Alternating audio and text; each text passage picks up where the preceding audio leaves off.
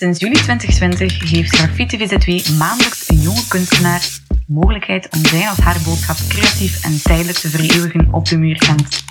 Een openluchtmuseum op de zijgevel van Bart Broos op de Oude Beestenmarkt, met veel zomerse terrassen en kuiermarktjes. Zo sloopt een fysieke muur maand na maand de spreekwoordelijke barrière tussen straatkunst en haar toeschouwers. In deze podcastreeks stellen we elke jonge artiest een centrale vraag. De eerste artiest op de muur Gent is Lix. Ze doet met haar werk Left and Lockdown een oproep naar meer inclusiviteit in de maatschappij. Wij vroegen haar welke drempels ze ervaren heeft. Graffiti, graffiti, graffiti. Hallo, ik ben Lix. En ik heb het werk Left in Lockdown gemaakt. Eh, Dat was het eerste werk op de muur. En voor mij gaat het over drempels die dat je ervaart als chronisch zieke persoon of als persoon met een handicap. Ik, had, eh, ik heb het gebaseerd gemaakt naar een foto van Nicolaas Broemer, dat is een Duitse fotograaf. En het was een beeld dat ik eigenlijk al op oog had voor corona. Voor mij paste dat heel mooi bij hoe dat ik mij voelde als chronisch zieke persoon. Ehm, en ik werk ook graag gevoelsmatig. Maar ik, vind ook, vond het heel belangrijk voor op de muur een authentiek verhaal te vertellen. Om iets te vertellen ehm, dat dicht bij mijn gevoel lag, om daar echt, daar echt iets kunnen insteken.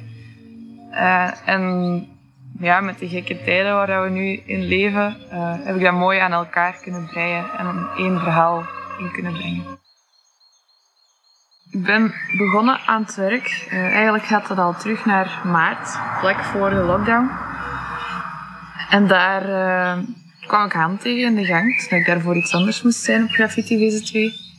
En die zei, ah ja, eh, trouwens, ja, eh, jij gaat eh, de muur 1 doen. Ik zeg, wat? Excuseer.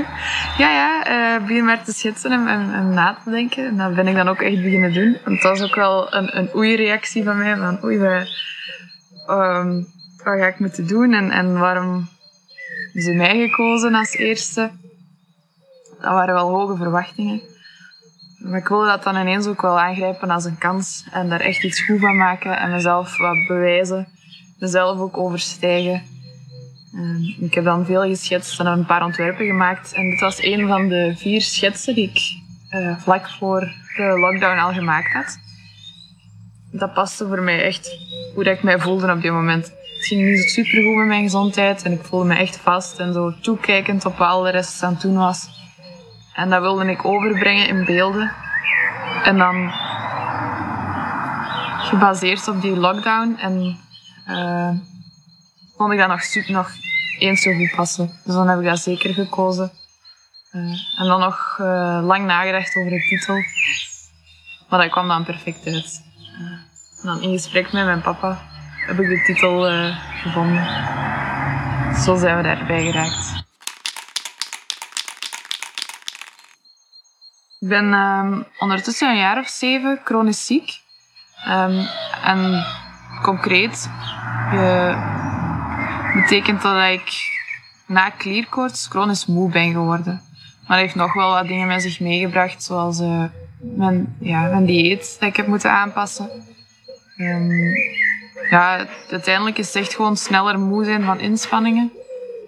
En dat eh, heeft voor mij een grote impact gehad op mijn sociaal leven. Daarom dat ik die parallel ook wel trek met lockdown. Omdat bij mij de feestjes zijn weggevallen. Ehm, er zijn heel veel vriendschappen en sociale contacten weggevallen. Ehm, gaan werken, naar school gaan was moeilijker. En eh, ja, de, je begint je dan wel te focussen op alle essentiële dingen. Dus, ehm, ja, school bij mij op dat moment. Dus alle energie die ik nog had, ging naar school. Ehm, en dat is denk ik wat er binnen, in- binnen de lockdown ook wel gebeurt. Dus al de rest valt weg. En de jongeren mogen alleen nog naar school gaan. Mensen mogen alleen nog naar hun werk gaan. Dus die gelijkenis zag ik ook wel heel sterk. De restaurants en cafés zijn ook dichtgegaan. En bij mij is dat ook weggevallen omdat ik dan minder mocht eten. Dus op restaurant gaan, dat ging heel moeilijk. Eh, ik dronk ook geen alcohol meer. Eh, ik had geen suiker meer, dus op café gaan was qua drank ook gewoon niks meer aan. Eh, en dan verhoogde de druk op school en werk, omdat het dan dat lijkt gewoon veel meer omdat je dan moe bent. En in het algemeen wordt de wereld wat minder toegankelijker. Dus vandaar, ja, en, en werk vinden op zich ook. Dat wordt lastiger als je moe bent. Er zijn ook niet zoveel jobs voor mensen die deeltijds willen werken. En de crisis in het algemeen, de coronacrisis in het algemeen, maakt eh, werk vinden voor mensen er niet gemakkelijker op. Eh, daarom dat ik wel het gevoel had dat mensen zich veel gemakkelijker gingen kunnen inleven eh, in wat dat mensen die chronisch ziek zijn meemaken, nu dat ze die lockdown hebben meegemaakt.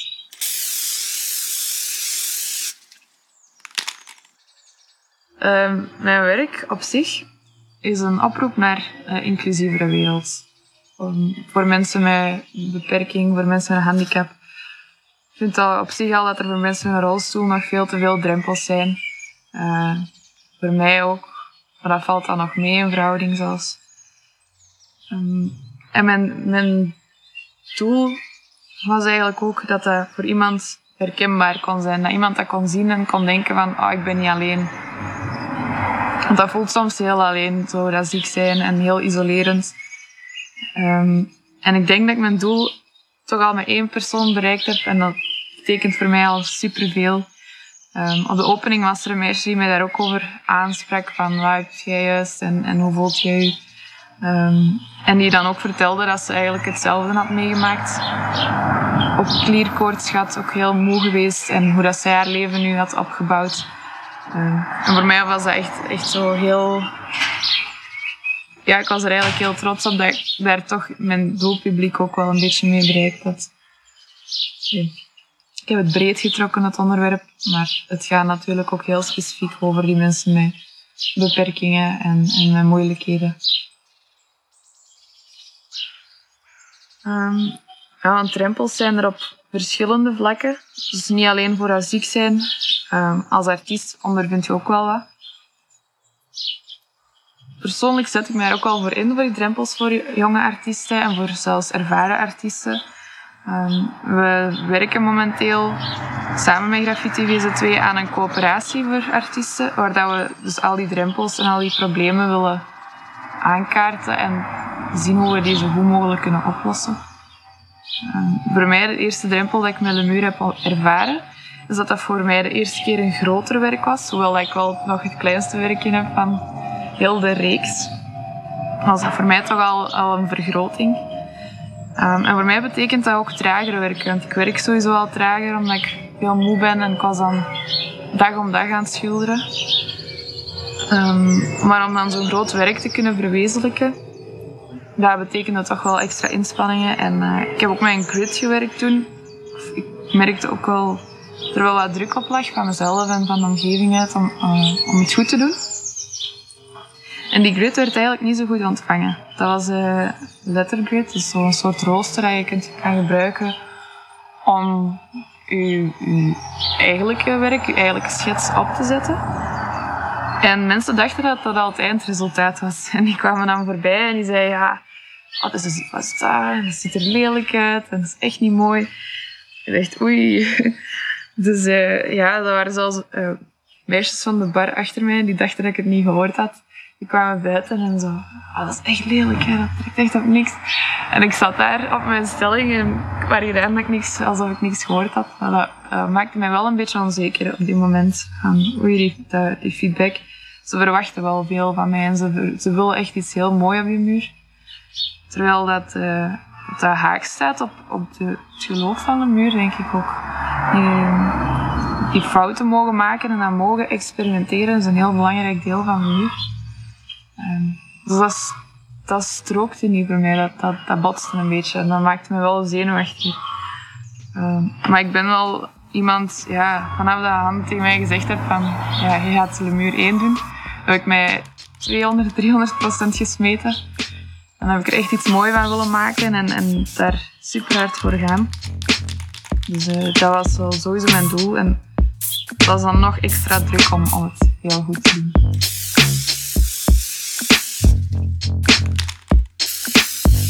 Dit was de podcast over de Muur Gent, een project door Graffiti VZ2 in samenwerking met Barbaro Gent met de steun van Vlaanderen Verbeelding Bert.